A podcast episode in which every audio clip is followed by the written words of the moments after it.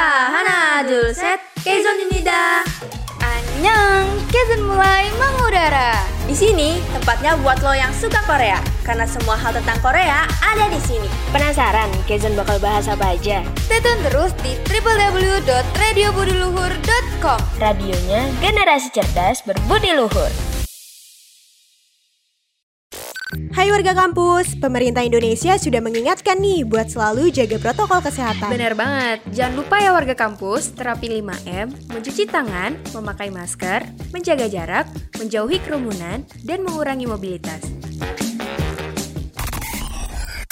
Selamat siang warga kampus. Balik lagi nih Kali ini Kezon kedatangan tamu spesial yaitu Kak Chandra. Halo Kak Chandra, selamat siang. Halo, siang. Hai Kak Chan, apa kabarnya? Halo Kak Chan. Kabar baik pastinya. Alhamdulillah, kabar baik. Sebelumnya perkenalkan Kak Chan, nama aku Gita dari Radio Budi Luhur dan aku bakal siaran bareng teman aku nih namanya Alia. Halo, salam kenal. Halo Kak Chan. Salam kenal juga Kak Chan.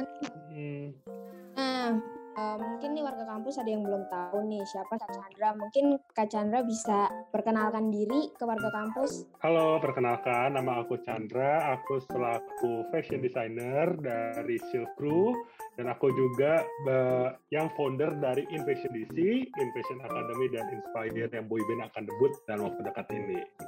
Itu Wah, keren banget tuh. Berarti eh, bentar lagi bakal ada launching, eh launching, bakal debutin boy group baru lagi ya? Eh baru lagi. Iya. The boy group pertama dari Oke, Invasion. boy group Karena- pertama. Oke. Heeh. Terus nih, gimana sih awalnya Kak Chandra nih bisa menjadi seorang costume maker gitu? Awalnya tuh gimana sih? Oke, kalau awalnya sendiri memang kebetulan aku suka nih bergerak di bidang fashion dan memang ngebuat ngebuat baju dari SMA sih lebih tepatnya karena memang dari SMA walaupun jurusan aku bukan tata busana dan tapi memang aku interestnya di hobi seperti itu gitu. Jadi memang aku Ah, awalnya karena aku memang suka anime terus aku juga ngeliat wah kayaknya seru deh bikin bikin baju mereka terus aku bikin bikin bajunya mereka terus pas SMA juga aku mulai suka K-pop juga terus aku di, di kayak seru juga deh kalau coba bikinin bajunya mereka juga aku coba recreate bajunya mereka dengan bahan yang seadanya terus lama kelamaan jadi profesi karena memang pas uh, saat aku dulu itu di komunitas ada perlombaan namanya K-pop style di mana itu perlombaan kita mirip-miripan nih sama artis uh, K-pop gitu. Jadi kayak kita miripin bajunya G-Dragon, miripin bajunya. Pas di dalam kompetisi itu aku sering menang, Wah. sering menang di kompetisi tersebut. Dan karena memang acara K-pop style itu biasanya berdampingan dengan acara dance cover, lalu anak-anak dance cover mulai ngelirik tuh kayak lu bikin baju di mana, lu bikin baju di mana suka nanya kayak gitu daripada aku mikir daripada kalian pusing nanya-nanya mendingan lu bikin aja sama gua. Aku bilang kayak gitu. Jadi ya, menurut aku aku lihat opportunity dan bisnis dan mulai dari situ aku udah mulai jual-jualin baju sih dari 2011 gitu. Selama jadi custom maker, Mm-mm. costume maker, Kak Chan pernah Mhm. sih ngalamin hal yang uh, menyenangkan atau nggak menyenangkan dari perjalanan Kak Chan ini? Oh pasti, kalau menyenangkan banyak sekali yang menyenangkan, nggak menyenangkan itu pasti ada juga gitu. Tapi menurut aku itu namanya proses kan ada, namanya ada proses, ada menyenangkan, ada nggak menyenangkan ya kayak gitu. Iya, Jadi iya, kalau iya. yang, menye- yang menyenangkannya itu banyak sekali sih hal-hal menyenangkan ketika customer customer puas sama buatan kostum dari aku aja itu aku udah seneng banget. Terus eh, kita juga sempat dinotis sama Blackpink, di, dinotis sama Everglow juga, terus dinotis sama Wow. beberapa idol K-pop yang memang miss dengan kayak wah lu kok bisa bikin semirip ini? Gitu dan itu aku sering dapat terima pujian dari itu dan aku menurut kayak wah memang goals aku dulu gitu. Goals aku pas baru mau mulai ngerintis usaha kapan ya bisa dilihat mereka kalau karya gua? Nah akhirnya udah mulai dilihat nih beberapa tahun terakhir ini. Nah terus kalau yang tidak menyenangkan banyak sekali juga yang tidak menyenangkan. Kayak misalnya ada customer yang kasarnya kayak komplainnya agak mengada-ngada terus kayak memang ada beberapa pesaing yang menjatuhkan dengan pura-pura membeli baju kita terus kayak review komen. Tapi itu menurut aku namanya proses ya jadi kayak itu Iya, iya. problem. Ya benar-benar. Hmm. Hmm, berarti kayak ya namanya proses pasti ada timbal baliknya lah ya. benar kalau memang senang mulu kan nggak ada kita nggak bisa upgrade Mm-mm. Iya, iya, benar-benar. gitu Harus ada Ada baik dan ada badai buruknya. Ya, benar banget Nah, terus nih eh, selama buat kostum kayak gitu yang Mm. mirip ya istilahnya, Mm. ada nggak sih tantangan terbesar gitu selama Kak Chan jadi seorang costume maker gitu? Oke, tantangan terbesar pasti kita kesulitan banget untuk mencari materialnya karena material di Indonesia sama di Korea lebih tepatnya kalau mungkin kita bikin baju K-pop itu jauh berbeda. Kalau eh, di Korea itu garmennya memang sangat maju ya di sana dan memang Iya, rata-rata kain-kain yang masuk ke sini material itu import dari Korea rata-rata sekarang. Dan itu memang kita sering banget kesulitan untuk mencari bahan dasarnya kayak gitu. Makanya kita harus cari barang substitusinya kira-kira yang di Indo ada tapi itu masih tetap mirip. Nah itu yang kadang-kadang kita bikin agak susah tuh, agak mikirnya agak susah kayak gitu. Hal seperti itu sih karena keterbatasan material yang di Indonesia yang belum nggak semuanya masuk di Indonesia. Jadi itu yang kadang-kadang bikin kita agak ribet sedikit. Harus cari ngakal-ngakalin lah gitu. Oh ngakal-ngakalinnya yang yang mirip ya sekiranya Iya. mirip nih sama yang punya Iya. K-pop idol gitu. Benar, itu agak sih. PR sih. Tapi keren tau, maksudnya kayak bisa Mm-mm. nemu yang mirip gitu. Padahal susah Mm-mm. nyari barangnya. Thank you. Hai warga kampus, gimana topik siarannya? Seru kan? Jangan lupa dengerin siaran ulangnya RBL di Spotify. Selain Mm-mm. uh, dapat wacana buat custom eh kostum dance gitu, kalian Mm-mm. pernah nggak sih dapat pesanan buat selain dance cover gitu, misalkan tari dress, tari tradisional atau dance lain gitu? Sebenarnya kalau kostum maker ini jual- ngejual kostum K-pop itu memang utamanya aku seperti itu. Misalnya orang mengenalnya aku seperti itu, tapi aku sekarang dalam proses untuk rebranding karena aku nggak mau disebut sebagai tukang jiplak terus ya. Jadi aku pengen ngebuat karya karya sendiri gitu. Jadi mulai dari 2000 sekitar 2 atau tiga tahun lalu aku udah start untuk bikin karya aku sendiri dan memang banyak banget sih ada beberapa aku juga selain kostum K-pop aku juga ngerjain eh, kebaya juga aku bikinin juga. Terus baju uh, merit orang-orang gitu biasa untuk undangan juga aku terimain juga. Terus sama yang lebih sekarang yang lebih menurut aku aku kayaknya mungkin ini jalan aku gitu. Aku mulai ngedesainin untuk beberapa artis Indonesia sih lebih tepatnya. Tapi ada beberapa juga yang nggak boleh di namanya katanya kayak gitu. Jadi ada beberapa artis Indonesia juga aku ngerjain juga uh, untuk buatin kostumnya juga buatin desainnya juga yang paling eh, terbaru sih kemarin aku sempat ngerjain girl band namanya Glass itu kostumnya aku desainin sendiri Kak, buat mereka gitu. TikTok. Ah, Glass. yang Iya, yang Triarona itu bukan sih? iya benar sih Tria, yang Triarona, Oh. timnya Triarona. Ah, itu kostumnya waktu itu pas dia mau bikin MV kedua dia minta bisa tolong didesainin nggak kak untuk ini? Oke, akhirnya bikinin di sini dan aku desainin sendiri gitu. Hmm, keren. Dari Thank you. abdi pada negara. Terus nih kak, selama buat eh, kostum-kostum gitu, ada Mm-mm. nggak sih kostum yang pembuatannya tuh paling sulit gitu? Hmm, kostum yang pembuatannya paling sulit. Ya paling sulit Kalau yang paling terbaru lama gitu. yang terbaru ini yang paling baru ya tapi itu nggak Hmm. nggak tersulit juga itu aku bikin kostumnya GOT yang step back itu susah banget terus sama yang paling sulit dari semua yang pernah aku bikin itu kostumnya 21 yang I'm the best punya Park Boom yang rompi besinya iya. semua Iya, chainmailnya tahu, dia tahu, kayak tahu, tahu. dan itu aku be- bener-bener bikin itu sampai dua minggu full aku ngerjain tiap hari. Dan aku ngerangkain itu ringnya ringnya satu-satu. Kalau definisi lu kerja sampai berdarah-darah itu beneran berdarah-berdarah tangan aku sih ngerjain itu. Sampai karena pakai besi dirangkai satu-satu memang sampai segitunya. Kalau dikasih lagi kalau suruh bikin lagi kayak aku udah gak mau. Cukup tadi. Iya ya. tapi pas lihat hasilnya cukup memuaskan sih. Jadi orang pun juga puas banget sama hasilnya kayak gitu Mm. Keren. Maksudnya kayak kan pasti pasti ini ya baret-baret gitu. Iya, itu pasti. Kalau untuk untuk durasinya kostum-kostum itu paling paling lama atau paling cepat kapan kak? Oke, kalau durasi sih sebenarnya kalau kita hitung benar-benar produksinya itu sebenarnya cepat. Cuma karena kita ada sistem PO ya, jadi kita harus ngurutin antrian nih. Kalau nggak jadwal aku berantakan banget kan. Kalau setiap masuk kita masuk bikin agak repot. Jadi kalau misalnya kalau memang menurut antrian pada normalnya itu 3 sampai satu bulan, tiga minggu sampai satu bulan. Tapi kalau memang sebenarnya dikerjain itu kalau misalnya dikerjain banget, oh, palingnya cuma sehari udah kelar. Tapi karena kan kita harus ngantrian, antrian PO-nya harus rapi gitu. Jadi siapa yang order duluan itu yang dikirim duluan gitu. Oh, jadi bisa order gitu ya. Iya, biar rapi semuanya gitu. Tahu gak, Radio Budi Luhur punya konten baru loh. Ceritanya keren, karakternya unik, apalagi kalau bukan drama radio. Jangan lupa buat dengerin drama radio di Spotify. Happy listening! Kan jadi Kacan selama ini jadi kostum maker ya K-pop idol. Sebenarnya Mm-mm. Kacan ini eh, ini nggak sih eh, K-popers nggak sih? Wah, iya dong pastinya. Aku bermula dari situ sih, dari Oh, aku suka banget, aku suka K-pop itu dari 2009 mungkin dari zaman Super Junior, SNSD gitu-gitu sampai ya, ya. sam- dari awalnya suka banget sampai lama jadi kayak cuma ya ini kerjaan lama jadi agak boring sih jadi kayak udah mulai mengurangi sekarang gitu karena karena kerjaannya kayak gitu terus kayak gitu. tapi sampai sekarang tetap masih ngikutin sih Pas dulu jadi K-popers tuh Kak Chan pernah kepikiran nggak sih pengen jadi kostum maker ini atau mimpi Kacan dulu?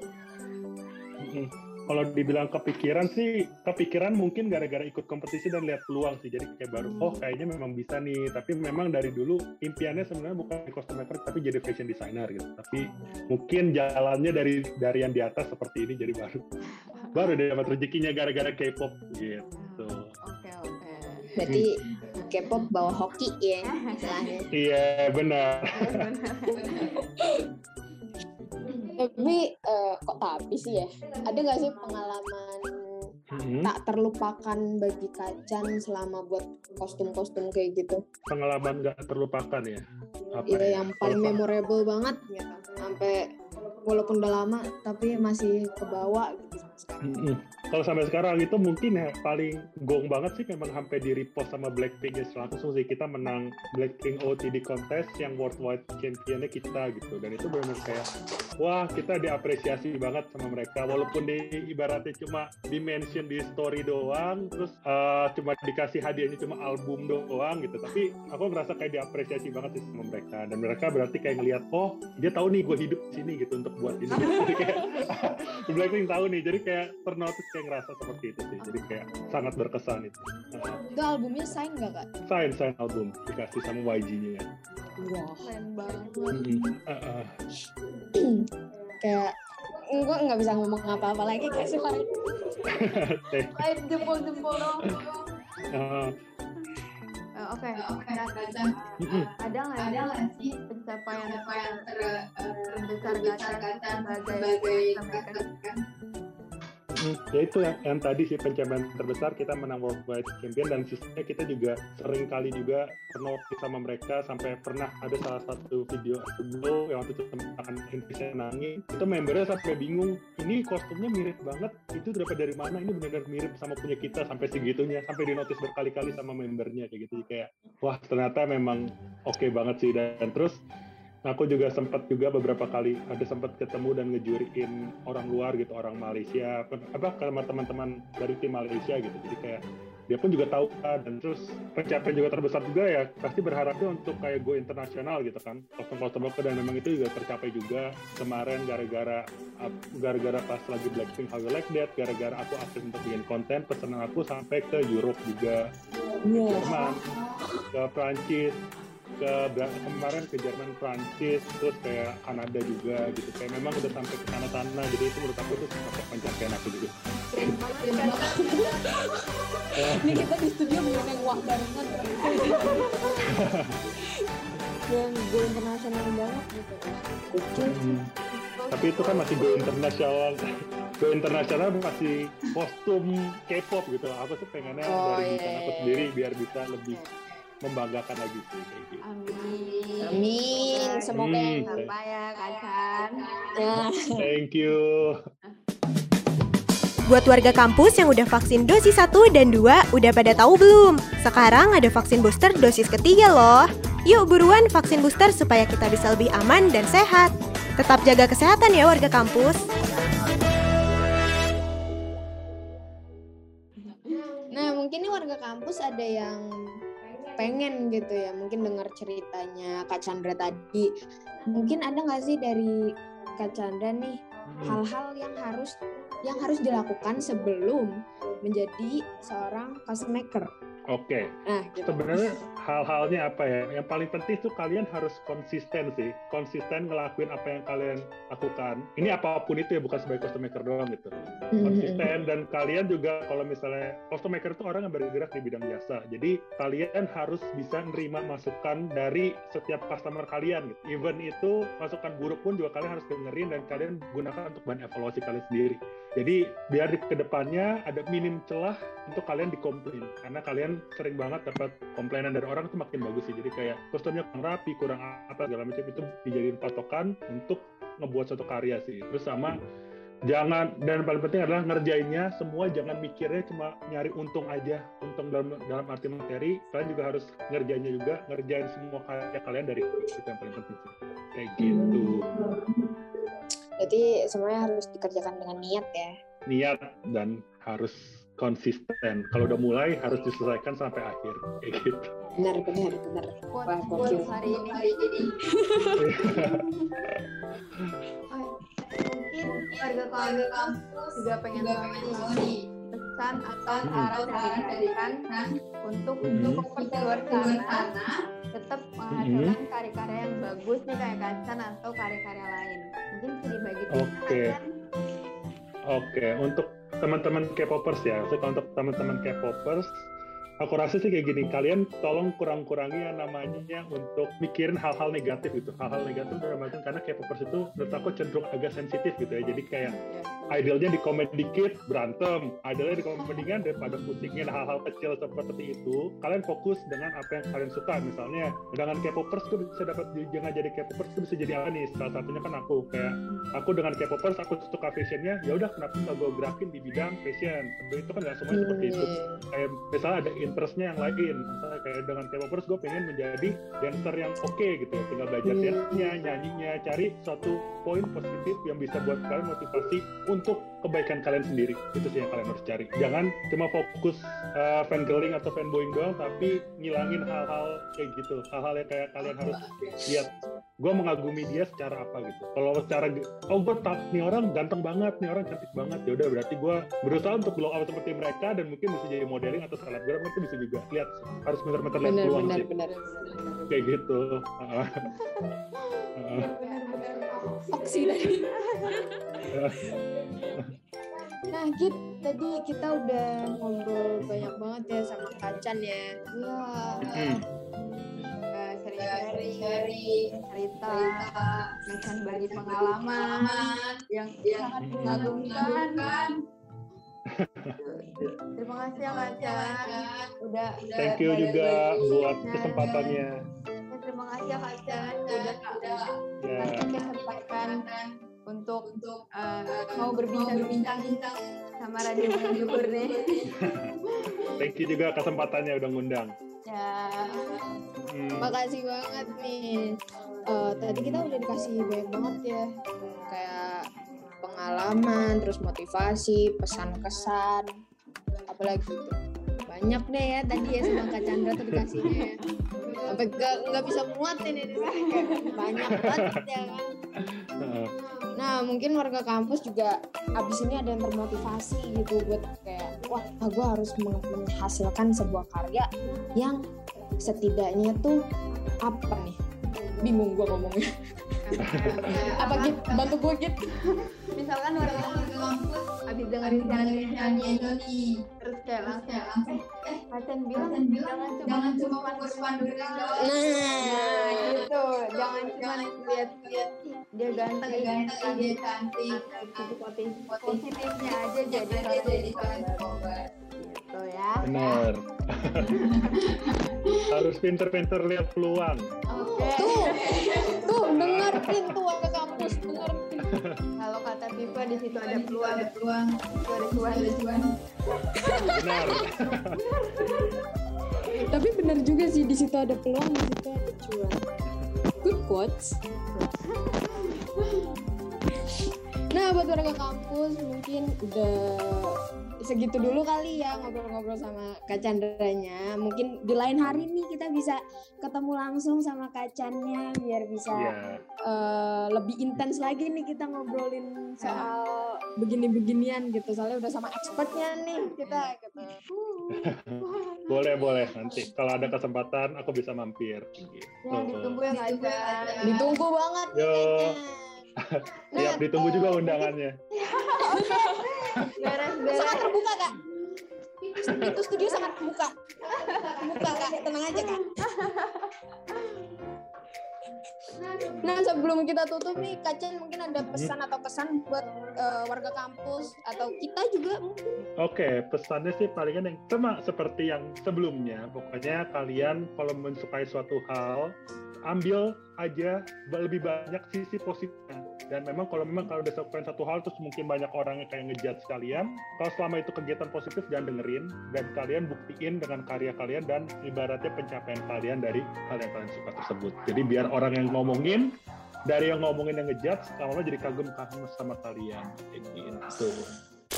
Hai warga kampus, pemerintah Indonesia sudah mengingatkan nih buat selalu jaga protokol kesehatan. Benar banget. Jangan lupa ya warga kampus, terapi 5M, mencuci tangan, memakai masker, menjaga jarak, menjauhi kerumunan, dan mengurangi mobilitas. Tahana Dulset, Keizon Yunida. Annyeong, Kezon mulai mengudara. Di sini tempatnya buat lo yang suka Korea karena semua hal tentang Korea ada di sini. Penasaran Kezon bakal bahas apa aja? Stay tune terus di www.radiobudiluhur.com. Radionya generasi cerdas berbudi luhur.